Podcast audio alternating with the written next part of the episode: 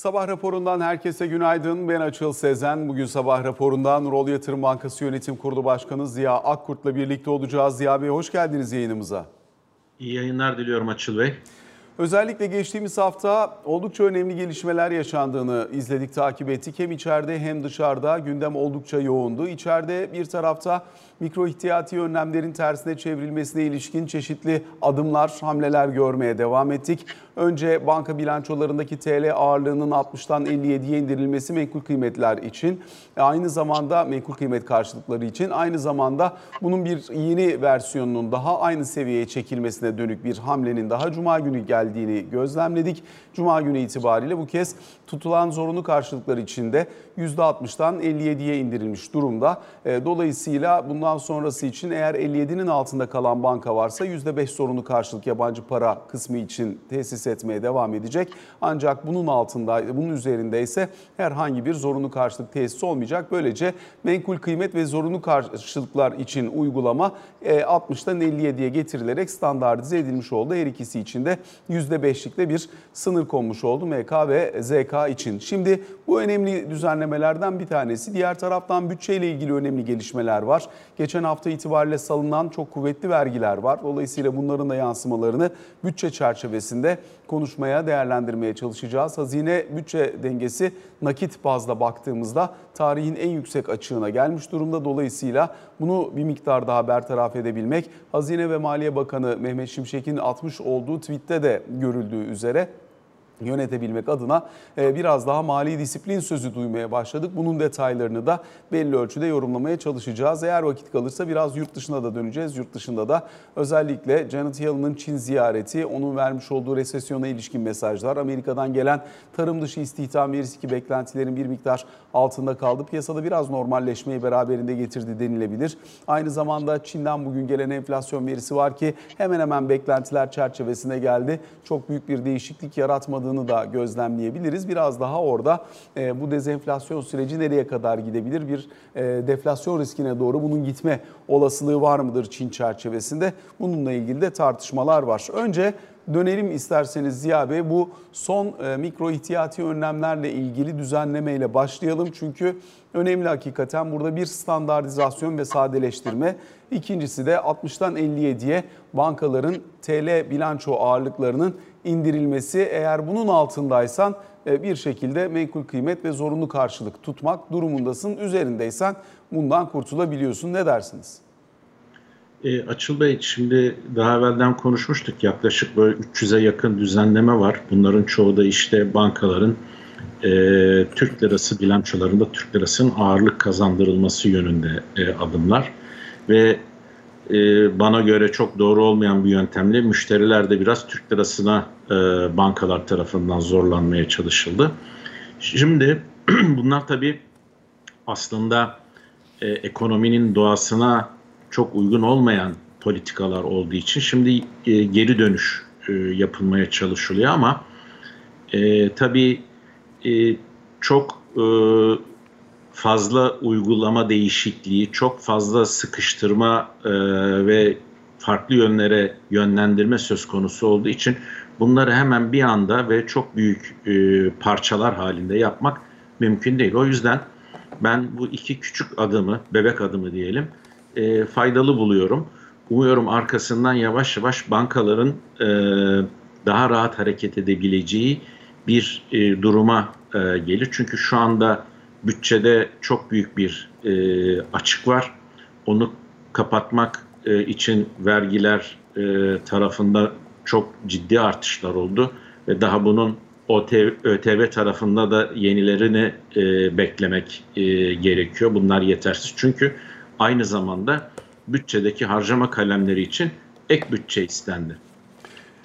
E, hal e, böyleyken e, ekonomide e, yavaş yavaş e, bir e, yavaşlama, o büyümelerin e, işte 5 gibi büyümelerin olmayacağı, daha aşağıdaki bir rakamların olması e, beklenmeli bundan sonra.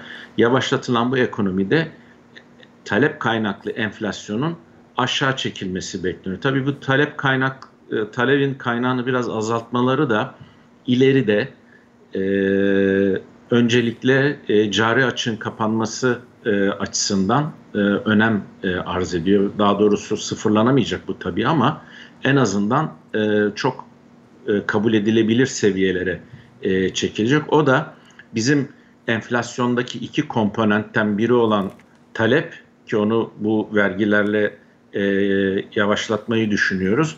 Diğeri de cari dengedeki bu e, müthiş açığı azaltmayı hedefliyoruz. Çünkü kur artışı da enflasyonist etkide e, bulunuyor kur geçişkenliğinden dolayı. İkisini belli bir vadeden sonra aşağı çekeceğiz ama şu anda e, gerek vergi artışları gerekse kurun son seçimlerden sonra %30 civarında artması enflasyonda e, bir artı değer e, yaratacak. O baz etkisiyle düşen e, enflasyon tekrar e, yükselmeye başlayacak. Yıl sonuna doğru biz bunun etkilerini biraz daha göreceğiz. Yani minimum 50 e, 60 civarında bir e, rakama doğru giden enflasyonu da görmüş olacağız sene sonunda. Şimdi Ziya Bey özellikle ta en başa döneyim tekrar. Bu e, menkul kıymet ve e, e, menkul kıymet tesisi ve zorunlu karşılık tesisi uygulamasının içerisindeki oranlardan bahsedeyim. Bankalar için ne anlam ifade eder? Bir de bunu sorayım size hızlıca. E, çünkü normal şartlar altında zaten şu anda bankacılık sektörünün genelinde TL mevduat ağırlığı kabaca %57-56.9 seviyesinde. Burada e, kamu bankaları tabii başat faktör %61 civarında orada var. Özel bankalarda %55.6. Dolayısıyla bankadan bankaya değişiyor olabilir ama e, banka bilançolarında dönüşüm e, hedefi çerçevesinde oluşturulan o e, baskının hafifletilmesi için 57 seviyesi nasıl geliyor kulağa? Hani rakamsal olarak çok büyük bir makas kalmamış gibi görünüyor bankaların durduğu yerle verilen hedef arasında. E, doğrudur ama bu şu andaki hani ileriye yönelik bankaların zorunlu olarak tahvil almasını engelleyecektir ama e, sistemi daha açmaya yönelik veya rahatlatmaya yönelik değildir ama sistemi de biraz hızlı bir şekilde açılırsa onun da sakıncaları var. O yüzden bence bu e, yavaş yavaş biz tabii öncelikle 20 e, Temmuz'da e, PPK kararını duyacağız. Ben 5 puanlık bir artış daha bekliyorum. %20'leri göreceğiz gibime geliyor. O yüzden o çerçevede bu 57'lik sınır yavaş yavaş e, o da aşağıya e, zaman içerisinde çekilmek suretiyle belli bir dengeye gelecek. Belki e, bir müddet sonra Aralık e, civarında tamamıyla kalktığını bile e, görebiliriz. Yeter ki e, bu yapılmak istenen e, Mehmet Şimşek Bey'in e, anlattığı politikalara e, ciddiyetle ve sıkı sıkıya sarılıp e, devamını e, getirmek lazım. Yoksa başlangıçta bu hareketleri yapıp arkasını devamını getirmez isek bu tabii hep vergilerden, gelir artışlarından bahsettik bütçe ama giderlerde de e, bazı düzenlemelerin yapılması lazım. Özellikle kamu harcamalarının kısıtlanması lazım. Onlar kısıtlanmadan e, devamlı bir e, harcama yapılırken öteki taraftan gelir artışını da vergilerle tamamlamaya çalışmak e, işi oldukça ve sosyal dengeleri e, bozar. O açıdan da e, zaman içerisinde ekonominin dengeye oturması için bu gerekli adımlar atılırken bu 57'lik rakamında aşağıya çekilmesini e, bekleyeceğiz. Peki özellikle bu son gelen düzenlemeler ve atılan adımların mevduat faizlerinde bir miktar daha aşağı yönlü hareketi özendirici e, etkisi de olduğunu gözlemliyoruz. Biraz bu kısmını da sormak isterim size. Özellikle mevduat faizinde 2 puanın üzerinde bir geri çekilme var. Hatta 3 puana yakın bir geri çekilme var. Yeniden %30 sınırına ortalama mevduat faizi gelmiş görünüyor. Kısa vadeli mevduat faizlerine baktığımızda orada da ciddi bir geri çekilme var. 40'ların altına doğru gelmiş durumdayız. Dolayısıyla mevduat faizlerinde bundan sonrasına ilişkin yönün nerelerde ağırlık kazanması beklenebilir? Bir miktar daha aşağı gelme olasılığı var mı yoksa enflasyon görünümündeki bozulma bir noktadan sonra bunu sınırlayacak mıdır? E, bence sınırlayacaktır. E, özellikle de Merkez Bankası'nın politika faizlerindeki yükselme devam ettiği müddetçe. Çünkü bana göre e, 20 de olsa e, hala yetersiz olacak. E, o yüzden e, bankaların özellikle seçim döneminde e, ve 30 Haziran e, devre sonundaki e, bilançoları için e, faizleri biraz yükseltip mevduat toplama e, yönüne gitmek zorunda kaldılar baskıları tutturma adına. O yüzden de o yüksek rakamlar ödendi. Ama şimdi biraz rahatlama oldu. Artı tabii ki ticari kredilerde e, yani enflasyonun yüzde 60 olduğu bir e, ortamda 50 işte bekliyoruz ama 60 herhalde olacak. E, kredilerin yüzde 5 gerilemesi oldukça e, ciddi bir e, gelişme ticari kredilerde. Ben tüketici kredilerinde de talebin bu son artışlardan sonra yavaşlayacağını görürsek bankaların kredi verme e, e, iştahları veya daha doğrusu e, ekonomideki borçlanıcıların borçlanma ihtiyacının azalacağını bekliyorum. Hal böyle olunca e, mevduat faizleri aşağıya e, inmesi çok doğal ama çok da fazla inmemesi lazım. Çünkü bu sefer e, paranın gideceği iki tane yer var elinde e, nakdi olanların. Ya borsaya gidecek ya da ne olur ne olmaz diye tekrar dövize talep yaratırlarsa bu tabi ileride e, yine Merkez Bankası rezervleri üzerinde son derece olumsuz etkiler e, yaratabilir Açıl Bey. Peki özellikle mevduat ve kredi arasındaki dengeyi de bir miktar sormak isterim size. Çünkü ticari krediler şu an itibariyle bankalar e, hani kredi piyasası işlevsiz gibi görünüyor e, oldukça ciddi bir şekilde. Hani bireysel kredilerde bir miktar e, vardı akım e, oralarda bankalar daha rahat fiyatlama bulabildikleri için ama ticari kredilerde özellikle bayağı ciddi bir sıkışma devam ediyor. Dolayısıyla kredi piyasası sıkıştığı için ister istemez yani kredi büyüme hızının yavaşladığını da görebiliyoruz net bir şekilde. E, burası yavaşladığı için mevduata olan yani bankaların mevduat yaratma kaynağı olan kredi işlevsizleşince bu kez daha fazla mevduat toplamak için birbirlerinin mevduatına da e, bir miktar e, hani gidip onu cezbetmeye çalışıyorlar. O da mevduat faizlerini belli bir noktaya getiriyordu ticari kredilerdeki faiz hadlerinin yeniden yukarıya kayabilmesi konusunda bir düzenleme, bir regülasyon bekler misiniz? Çünkü net bir şekilde işlemiyor gibi görünüyor o bacak. Şimdi o tarafta tabii ki açılmalar olması lazım. Yani kanalların açık olması lazım. Özellikle kısa vadeli yani bu yüksek faizlerle kimse yatırım yapamaz. Yatırıma gitmeyecek. Yani burada gerçekçi olmak lazım. Ama kısa vadeli kredilerde özellikle e, her işletmenin mutlaka bir nakit açığı olur kısa vadeli. Bu enflasyonist ortamda da e, işte yüzde kırkla kısa vadeli borçlanabilir. O kanalın açık olması lazım. Ancak işte bu getirilen e, zorunlu tahvil alımları bankaları oldukça zor duruma e, sokmakta. E, şöyle bir rakam vereyim. E, şu anda bankaların elinde e, yaklaşık öz varlıklarının 3 katı kadar bu tip e, tahvil ve bonolar e, bulunmakta. Bunların bir kısmı şey olabilir, e, tüfe endeksli olabilir ama büyük bir çoğunluğu bu 5 ve 10 yıl vadeli düşük faizli krediler. Şimdi buralarda faizin çok hızlı yukarı e, gitmesi bankaların öz varlıklarında erimelere e, yol açacak. Şimdi bu e, bonolar iki hesapta muhasebede tutulur. Biri satılmaya e, hazır menkul değerler. O doğrudan e, güncelleme yapıldığı için bankanın kar ve zararını anında etkiler. Bir de yatırım hesabında e, var vade sonuna kadar saklanacak diye. O da zaman içerisinde düşük getirisinden dolayı bankaların öz varlığında yine e, bir erimeye sebep olacak. O açıdan e, burada faizler e, de yükselme olurken yani para politikası faizleri yükselmeye ve piyasa faizleri yükselmeye başlarken işin bu tarafı da var. Orada nasıl bir çözüme gidilecek?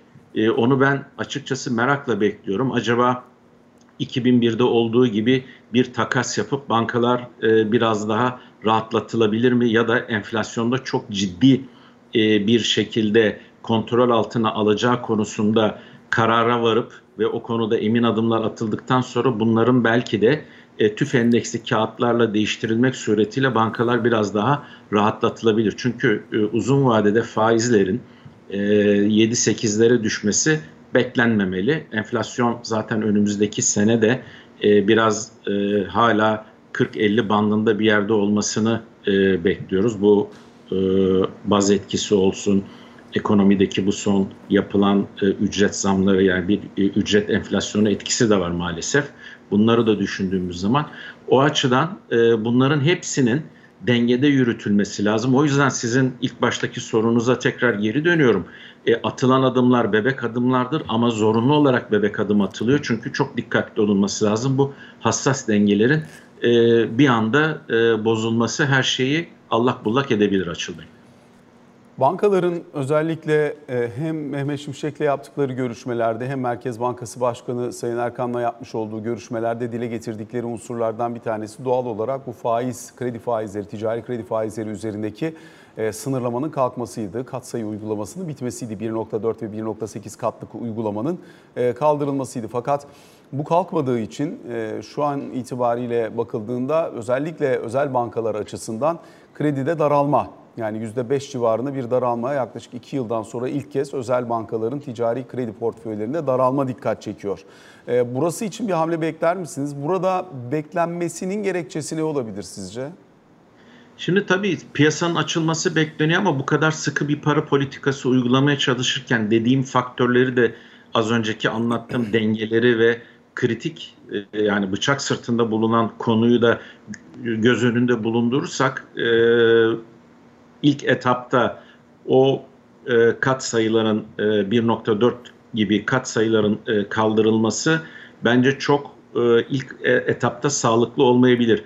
Bence bütün önlemler alınıp bu ekonomi paketi hazırlandıktan sonra oradaki o kısıtlamalar kaldırılacaktır. Çünkü e, bir taraftan siz daraltmaya çalışırken öteki taraftan kredi vermek suretiyle piyasaya para arzını genişletirseniz e, enflasyonun kontrol altına alınmasındaki parasal politikalarda e, zafiyet yaratırsınız. Bence o açıdan bunu kontrollü biraz daha e, devam ettikten sonra belki e, Eylül civarında konunun tekrar masaya yatırılmasını e, düşünebiliriz Açıl. Peki kredi akımının bu anlamda daralmaya başlamış olması 13 haftalık ortalamaya göre baktığımızda kısa vadeli bozulmayı gösteriyor. Dolayısıyla e, şirketlerin önemli bir bölümü işletme sermayesi açısından buralardaki kredi akışkanlığına ihtiyaç duyuyor. Bankalar elbette dönen kredilerin bir kısmını karşılamaya devam edecektir ama yeni kredi üretilmiyor. Dolayısıyla e, şirketler cephesi bu kredi ortamına yani orada önlemlerin alınması, yavaş yavaş tersine çevrilmesi ve öngörülen programa dayanabilecek durumdalar mı? O çerçeveye ne dersiniz? Şimdi burada yapılması gereken bir konu ki o kararların arasında belki satır arasında kayboldu. Ee, yenilemelerde aslında bir, biraz da uzatmalarda diyeyim. E, yeniden tahvil alma zorunluluğu e, hemen hemen kaldırıldı gibi. E, ben öyle yorumladım. O açıdan mevcut krediler döndürülecek mevcut yapı içerisinde ama ek kredi verilmesi söz konusu olmadığı için şirketlerin e, buna dayanmaları lazım. Şimdi burada tabii olay nereye gidiyor? Az önce yine başında konuştuğumuz gibi bir daralma ve küçülme e, ekonomide söz konusu olacak. Çünkü yatırım da yapılmayacak. Şirketlerin işletme sermayesi ihtiyaçları tam olarak enflasyondan dolayı arttığı için karşılanamadığı için bunlar da daha küçük baremlerde iş yapmak e, zorunda kalacakları için biz bu e, ekonomide büyüme konusunda bir yavaşlama göreceğiz yani bu kaçınılmaz e, bir e, fa, e, gerçek. O açıdan da e, bu e, alınan kararlar şu an için ilk başta düşünülen sıkı para politikası uygulamak suretiyle e, büyümeyi ve get, beraberinde getireceği enflasyonist etkileri yavaşlatmaya yönelik adımlar olarak e, ben e, düşünüyorum veya en azından bu kadar iyi niyetli düşünüyorum e, diyeyim. Bu çerçevede e, firmaların da e, büyüme yerine mevcudu devam ettirme yönüne yönünde hareket etmeleri bekleniyor. Bir ikincisi firmaların da e, tüzel kişilerin de ellerinde veya gerçek kişilerin de özellikle bu COBİ'lerde gerçek kişilerin elinde döviz varlıkları var. Belki bu da zaman içerisinde bu döviz varlıklarının yavaş yavaş tekrar Türk lirasına çevrilmek suretiyle e, sisteme nakit olarak e, Türk lirası bir kaynak olarak aktarılması da beklenebilir açılıyor. Peki bu kısmı biraz daha derinlemesine konuşabiliriz herhalde. Çünkü özellikle e, döviz akışkanlığının sağlanabilmesi için bu dönem başta turizm geliri olmak üzere elde e, belli kaynaklar var. Dolayısıyla e, şu anda Merkez Bankası'nın yapmış olduğu düzenlemelerden bir tanesi ki önemli e, düzenlemelerden bir tanesi. Eğer kur korumalı mevduatla ilgili bir dönüş varsa Bu dönüşü ihracatçı dövizleriyle zaten karşılama imkanı normal şartlarda var. Kurun seviyesine değil ama likiditesine eğer bir talep varsa e, bu çerçevede özel bankalarda gelip kur korumalı mevduat dönüşleri için Merkez Bankası'ndan döviz talebini dile getirebilir. Bunun için mekanizma da e, kurulmuş durumda. Dolayısıyla e, bu çerçeveyi eskiden biz kamu bankaları üzerinden görüyorduk. Şimdi bunu özel bankalarda talep ederse onların üzerinden de görebiliriz denildi. Nasıl görürsünüz hem işlevsellik hem şeffaflık açısından bu hamleyi? E, şimdi bu tabii biraz e, biz bu sisteme güveniyoruz. Biz bir özgüvenin açıklamasıdır. Yani evvelden e, maalesef e, her taraf, her alanda en ufak bir gelişmede e, oradaki gelişmeyi nasıl kapatabiliriz, nereden kaçak olmasın mantığıyla hareket edildiği için getirilen kısıtlamalar beraberinde e, paniği de getirdi. Acaba biz yarın öbür gün döviz ihtiyacımız olduğunda bunu karşılayamayacak mıyız e, diye veya bir yere transfer yapacağımızda zorlanacak mıyız e, endişeleri hakim olmaya başlamıştı toplumda. Şimdi bunu e, bu attıkları adımla bence bir özgüven. Evet e, biz yavaş yavaş e, sistemi açıyoruz. Döviz konusunda, likidite konusunda da sizlere yardımcı olacağız dendiği zaman o zaman zaten kasalara inmiş, yastık altına inmiş dövizler yavaş yavaş ortaya çıkar. Çünkü özellikle seçim öncesinde benim hani piyasadan duyduklarım, müşterilerden e, duyduklarım e, çok sayıda e, nakit e, e, olarak e, döviz banka kasalarına konuldu. Bunların şimdi tekrar yavaş yavaş dışarıya çıkması lazım. O yüzden bu güvenin verilmesi gerekiyordu. Bence o, o açıdan çok e, önemli bir e, adım. Artı e, özellikle Exim Bank kredi kullananlara işte reskont kredisi kullananlara %70 bozdurduktan sonra işte navlun ödemesi var. E sen döviz alamazsın e, deniyor. Bunların da gevşetilmek suretiyle özellikle işlerini çevirmek için gerekli olan e, döviz alımlarına izin verilmesi suretiyle ben piyasanın e, dediğim gibi yavaş yavaş küçük de adımlar da olsa normalleşmeye dönmesini bekliyorum.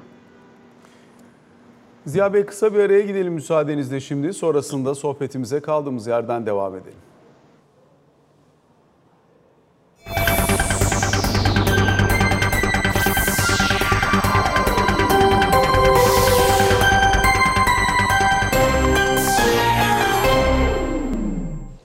Sabah raporunun ikinci bölümüyle karşınızdayız. Nurol Yatırım Bankası Yönetim Kurulu Başkanı Ziya Akkurt'la sohbetimize kaldığımız yerden devam ediyoruz. Ziya Bey bu bölümde bütçeye ilişkin atılan son adımlar üzerinden bir miktar değerlendirme yapalım. İlk bölümde kısaca değindiniz ama aslında devlet son iki yıl içerisinde para politikasının üretmiş olduğu yan etkileri bertaraf edebilmek için maliye politikasını kullandı. Seçim öncesinde bu kullanımın çok daha yoğun bir şekilde gerçekleştiğini gözlemledik. Hazinenin özellikle nakit açığına baktığımız zaman da inanılmaz bir e, açık seviyesine ulaşılmış olduğu. Burada e, sonrasında artık ee, biraz daha fazla 206 milyar liraya ulaştı e, Haziran ayı itibariyle bütçe açığı ki nakit bütçe açığı ki bu tarih boyunca gördüğümüz en yüksek seviye. Ee, sonuçta 6 aylık e, nakit bütçe açığı 450 e, milyar liraya aşmış durumda. 12 aylık bütçe açığı 700 milyar liraya yaklaşıyor. Ee, haliyle ister istemez içine bir de deprem yükü de bineceği için bir noktada bunu karşılayacak bir önlem silsilesi, bir vergi düzenlemesi gerekecekti. Dolayısıyla bu vergi düzenlemelerini şimdi geldiğini gözlemliyoruz. Burada e, aslında Plan Bütçe Komisyonu'na torba kanun sevk edilirken burada bir etki analizi de yayınlanmıştı. Bu etki analizinin içerisinde atılan hangi adımın maliyetinin ne olduğu, hangi kalemin getirisinin ne olacağı yönünde de çeşitli e, unsurlar söz konusu olduğu gibi görünüyor.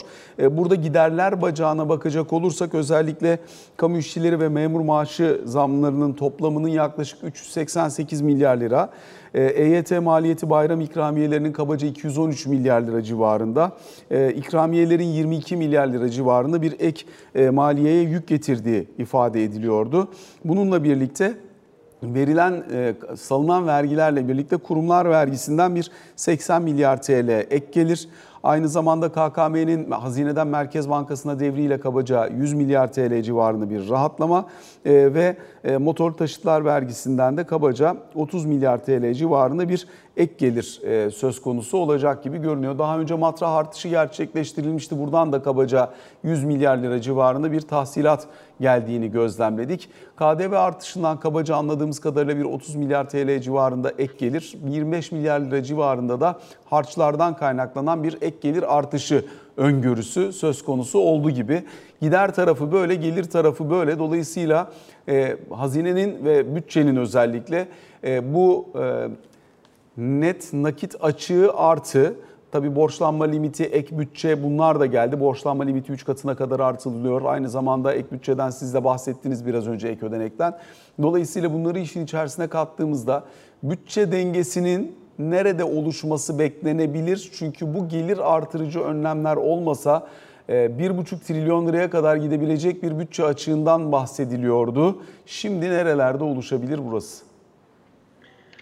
Ee, yani bu alınan e, önlemler e, KDV, ÖTV e, gibi ki ben ÖTV'lerin biraz daha arttırılacağını o konuda bir hareket bekliyorum. Artı tapu harçlarında yapıldı ama gayrimenkuller üzerinde bir vergi daha olabilir. Yani bir ek gayrimenkul vergisi daha gelebilir gibi görünüyor. Bunları da toparladığımız zaman e, bütçede bu açık oldukça azalacak gibi görünüyor. Bir. İkincisi e, İTO Başkanı da e, dile getirdi. Bu ver, gelir vergisi dilimlerinde enflasyona duyarlı bir ayarlama e, yapılması söz konusu. Eğer o yapılmazsa şirketler gibi şahıslar da e, bir enflasyon vergisi e, ödeyecek devlete tahmin ediyorum bunlarla bütçe açığı oldukça aşağıya ya da ilk başta görüldüğü gibi hani en kötü ihtimalle 650 milyar gibi bir rakama çekilebilir gibi görünüyor ama burada bence en büyük sıkıntı devletin e, borçlanmaları şimdi e, çok büyük bir borçlanmalar yapıldı yurt içinde Türk lirası bazında. E, bunların vadeleri geldikçe e, yeniden yüksek faizlerle yapılacağı için bütçede faizi ödenen rakam gittikçe artış e, gösterecek. O açıdan da e, devletin mutlaka ve mutlaka e, harcamalarında, hükümetin harcamalarda bir kısıntı yapması da gerekli. Bu e, şekilde yani her ödenenin eskiden hatırlayalım e, yine AKP dönemindeydi. E, 100 liranın 89 lirası tekrar e, borçlanıyordu. Bu da e, gerek bütçede gerekse e, ekonomik dengelerin oluşturulmasında çok büyük fayda sağlıyordu ve enflasyon çok düşük seviyelerde e, gidiyordu. Tek haneli rakamlar civarında seyrediyordu. Hatırlayalım bir ara faizler 5'lere 7'lere kadar bile düşmüştü.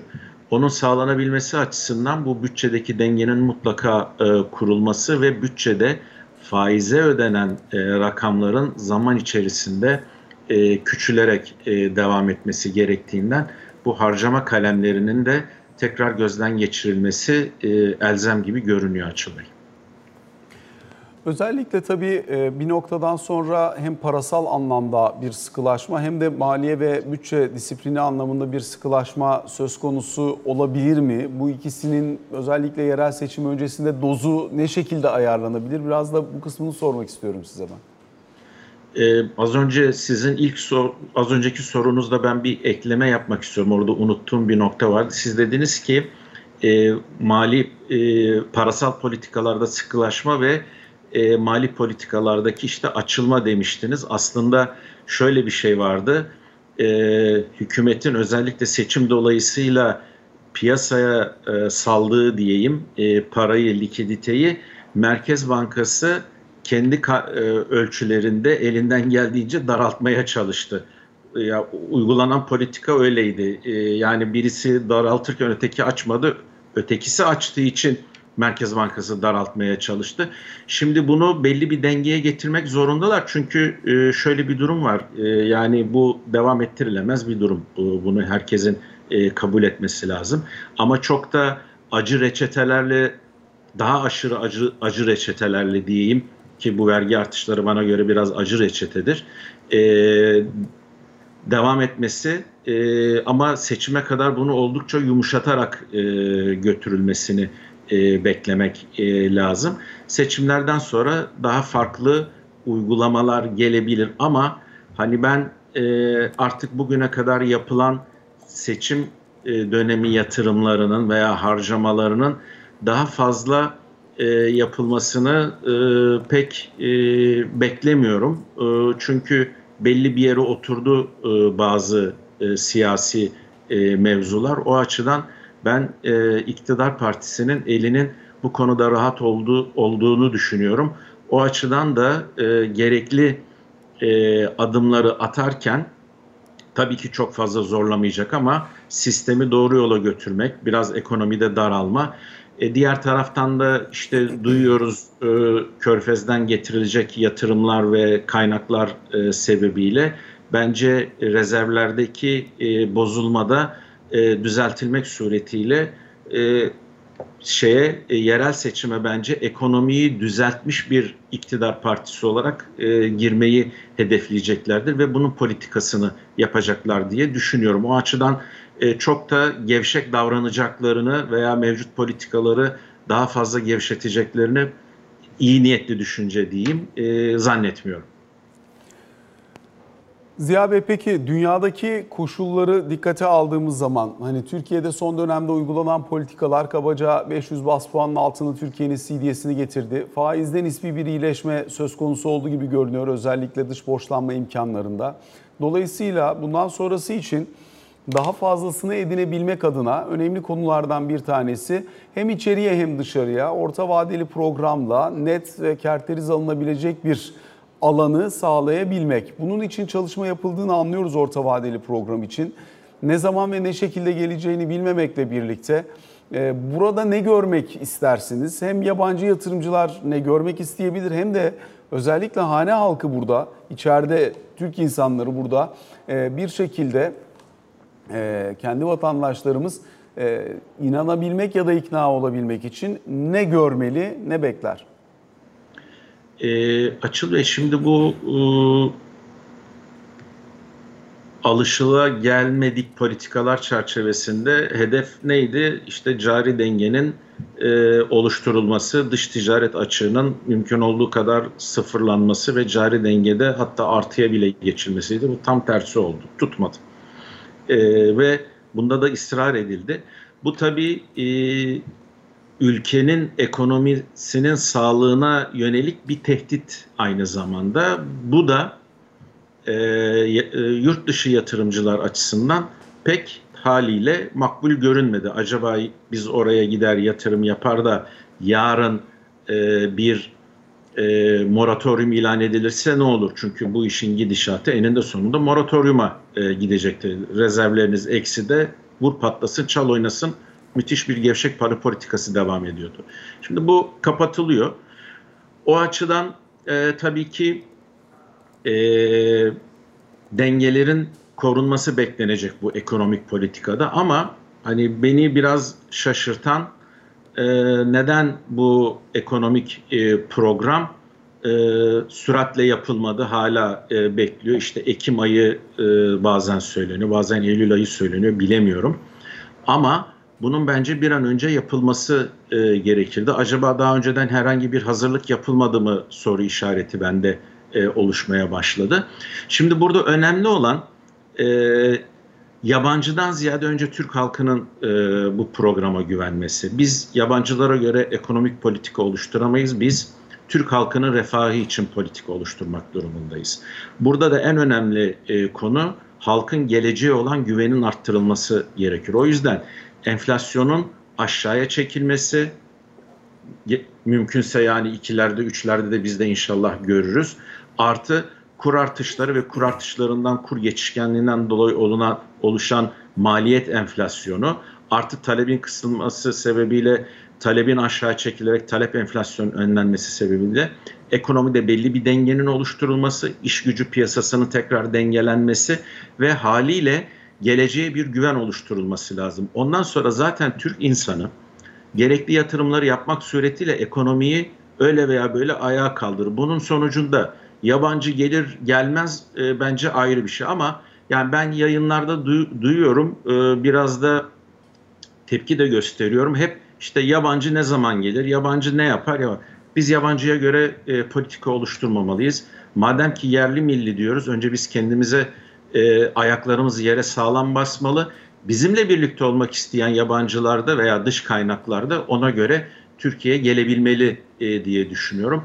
O açıdan e, bu yeni açıklanacak ekonomik programın son derece dengeli, ileriye yönelik e, güzel vaatlerde ve sağlam, güvenilir vaatlerde bulunması lazım. Uçuk e, noktaların olmaması lazım ve buna ısrarla e, devam edilmesi gerekiyor. Ne olursa olsun eğer o politikada belli dengeler varsa onların e, bozulmaması e, gerekiyor. Deforme edilmeden hayatın devam etmesi lazım. O zaman zaten Türkiye gerçekten şahlanır. Yabancı da o zaman gelir belli bir refah seviyesini tekrar yakalamaya başlarız açılıyor.